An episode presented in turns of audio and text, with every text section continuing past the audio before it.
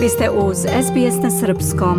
Slušate SBS radio na Srpskom, ja sam Biljana Ristić. U nekoliko sljedećih minuta osvrnut ćemo se na najaktuelnija politička zbivanja u Australiji. Na liniji imamo Ninu Marković. Nina, dobar dan. Dobar dan. Ministarka spoljnih poslova Penny Wong pojačala je pritisak na Kinu da ubedi Rusiju da okonča rat u Ukrajini u oči mogućeg sastanka sa njenim kolegom iz Pekinga na marginama samita G20 na Baliju. Pre toga je posjetila Singapur i održala zajedničku konferenciju za novinare sa ministrom inostranih poslova Singapura. Reci nam malo više o tom njenom putu. Znači prva stanica je njoj govor u stvari u Singapuru, međutim ona se ipak sastala sa najvišim državnim vrhom u Singapuru, sa premijerom, zamjenikom premijera, e, kao i sa svojim kolegom ministrom spoljnih poslova. Penny Wong je izjavila da Kina treba da iskoristi svoj uticaj i stavi pritisak na Rusiju da se što pre okonča rat u Ukrajini. Ona smatra da uloga Kine može biti puno više konstruktivna nego što je bila do sada. Senatorka Wong je takođe obelodanila novu viziju laborističke vlade za takozvani ekvilibrium u ovom delu sveta, znači u jugoistočnoj Aziji. Ona smatra da po ovom konceptu male države treba da imaju potpuni suverenitet i da mogu da donose samostalno svoje odluke. To je naravno e, bio po na neki način trn u oku e, Kini zato što se Kina optužuje da ne dozvoljava manjim državama da nezavisno donose svoje odluke. Međutim, zanimljivo je što e, se iz ovih diskusija pokazalo da ASEAN nije prihvatio okust alijansu. Oni smatraju da i Kvad može da zameni e, relevantnost ASEANA. Sa tim se ministarka Wong nije složila i želi da pomogne, kako po njenim rečima, regionu s time što će Australija imati uh, nuklearne podmornice u budućnosti zato što ona kaže da druge države već to imaju u ovom regionu i pre svog odlaska na Bali rekla je da je otvorena za dalju saradnju sa Kinom. Na Bali u sastanak je u stvari ministara spoljnih poslova i oni pripremaju se za summit lidera u novembru.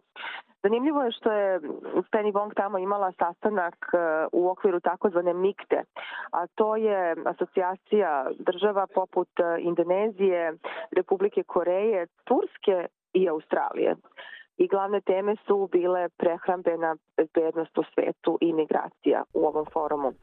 Naravno, ona lobira da se Rusija ne pozove na ovaj forum, a e, zahvalila se Indoneziji zato što je pozvala Ukrajinu kao gosta foruma. Mm. Tako da će biti veoma burno u narednih nekoliko dana. Još uvek ostajemo u diplomati. Premijerka Novog Zelanda stigla je u zvaničnu posetu Australiji. Pa da kažemo nešto malo više i o toj poseti.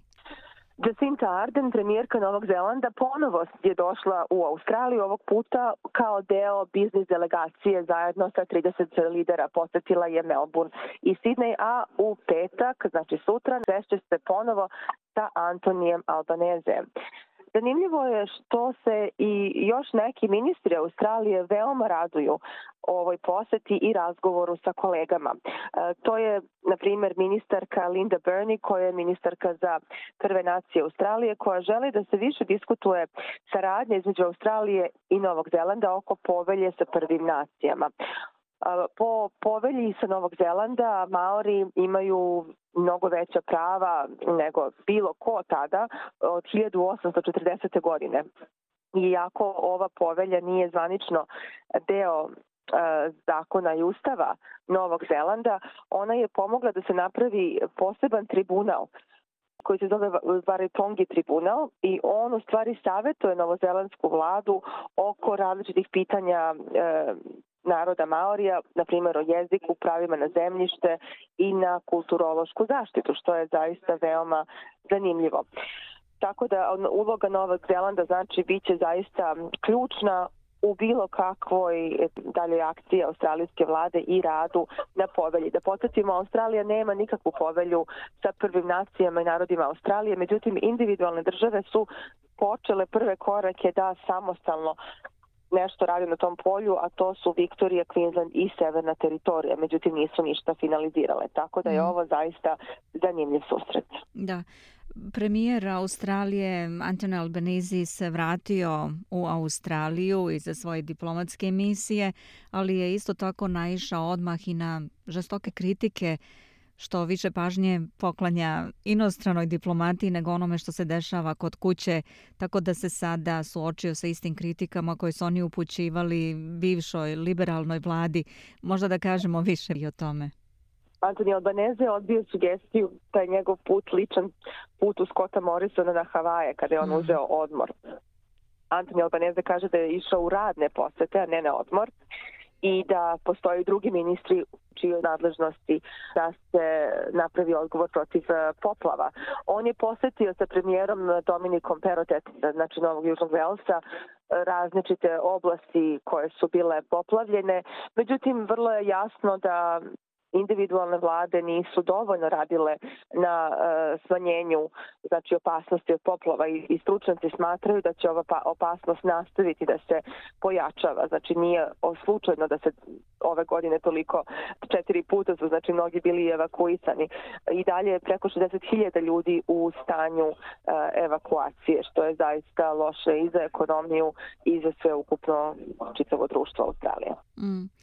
Nina, polako počinju da se analiziraju podaci popisa stanovništva iz 2021. i jedna interesantna informacija je da su čak četiri najmultikulturalnije zajednice, odnosno, ajde da kažemo, predgrađa u Melbourneu. Reci nam malo više o tome čak četiri od deset najviše multikulturalnih e, delova, znači predgrađa Australije se nalazi u Melbourneu i to u zapadnom Melbourneu. Mm. Od svih na polju čitave Australije, Point Cook u Melbourneu ima čak 86 nacija gde najmanje 20 pripadnika svake živi. Samo 43% ljudi u okviru uh, ove erije je rođeno u Australiji, a čak 17% su indijskog porekla. 70% ljudi iz Point Cooka ima oba roditelja koje su rođena van Australije. Da uporedimo to sa podacima na nivou čitave Australije, 48,2% svih Australijanaca imaju bar jednog roditelja rođenog van Australije, a čak 25% su sami rođeni van Australije. Od sidneskih predgrađa Blacktown uh, ima najveću stopu uh, multikulturalne različitosti, tako da su ovo zaista zanimljivi podaci, a do oktobra ćemo imati znači postepene analize koje uh, ministarstvo će polako oslobađati i biće dostupno javnosti. Da.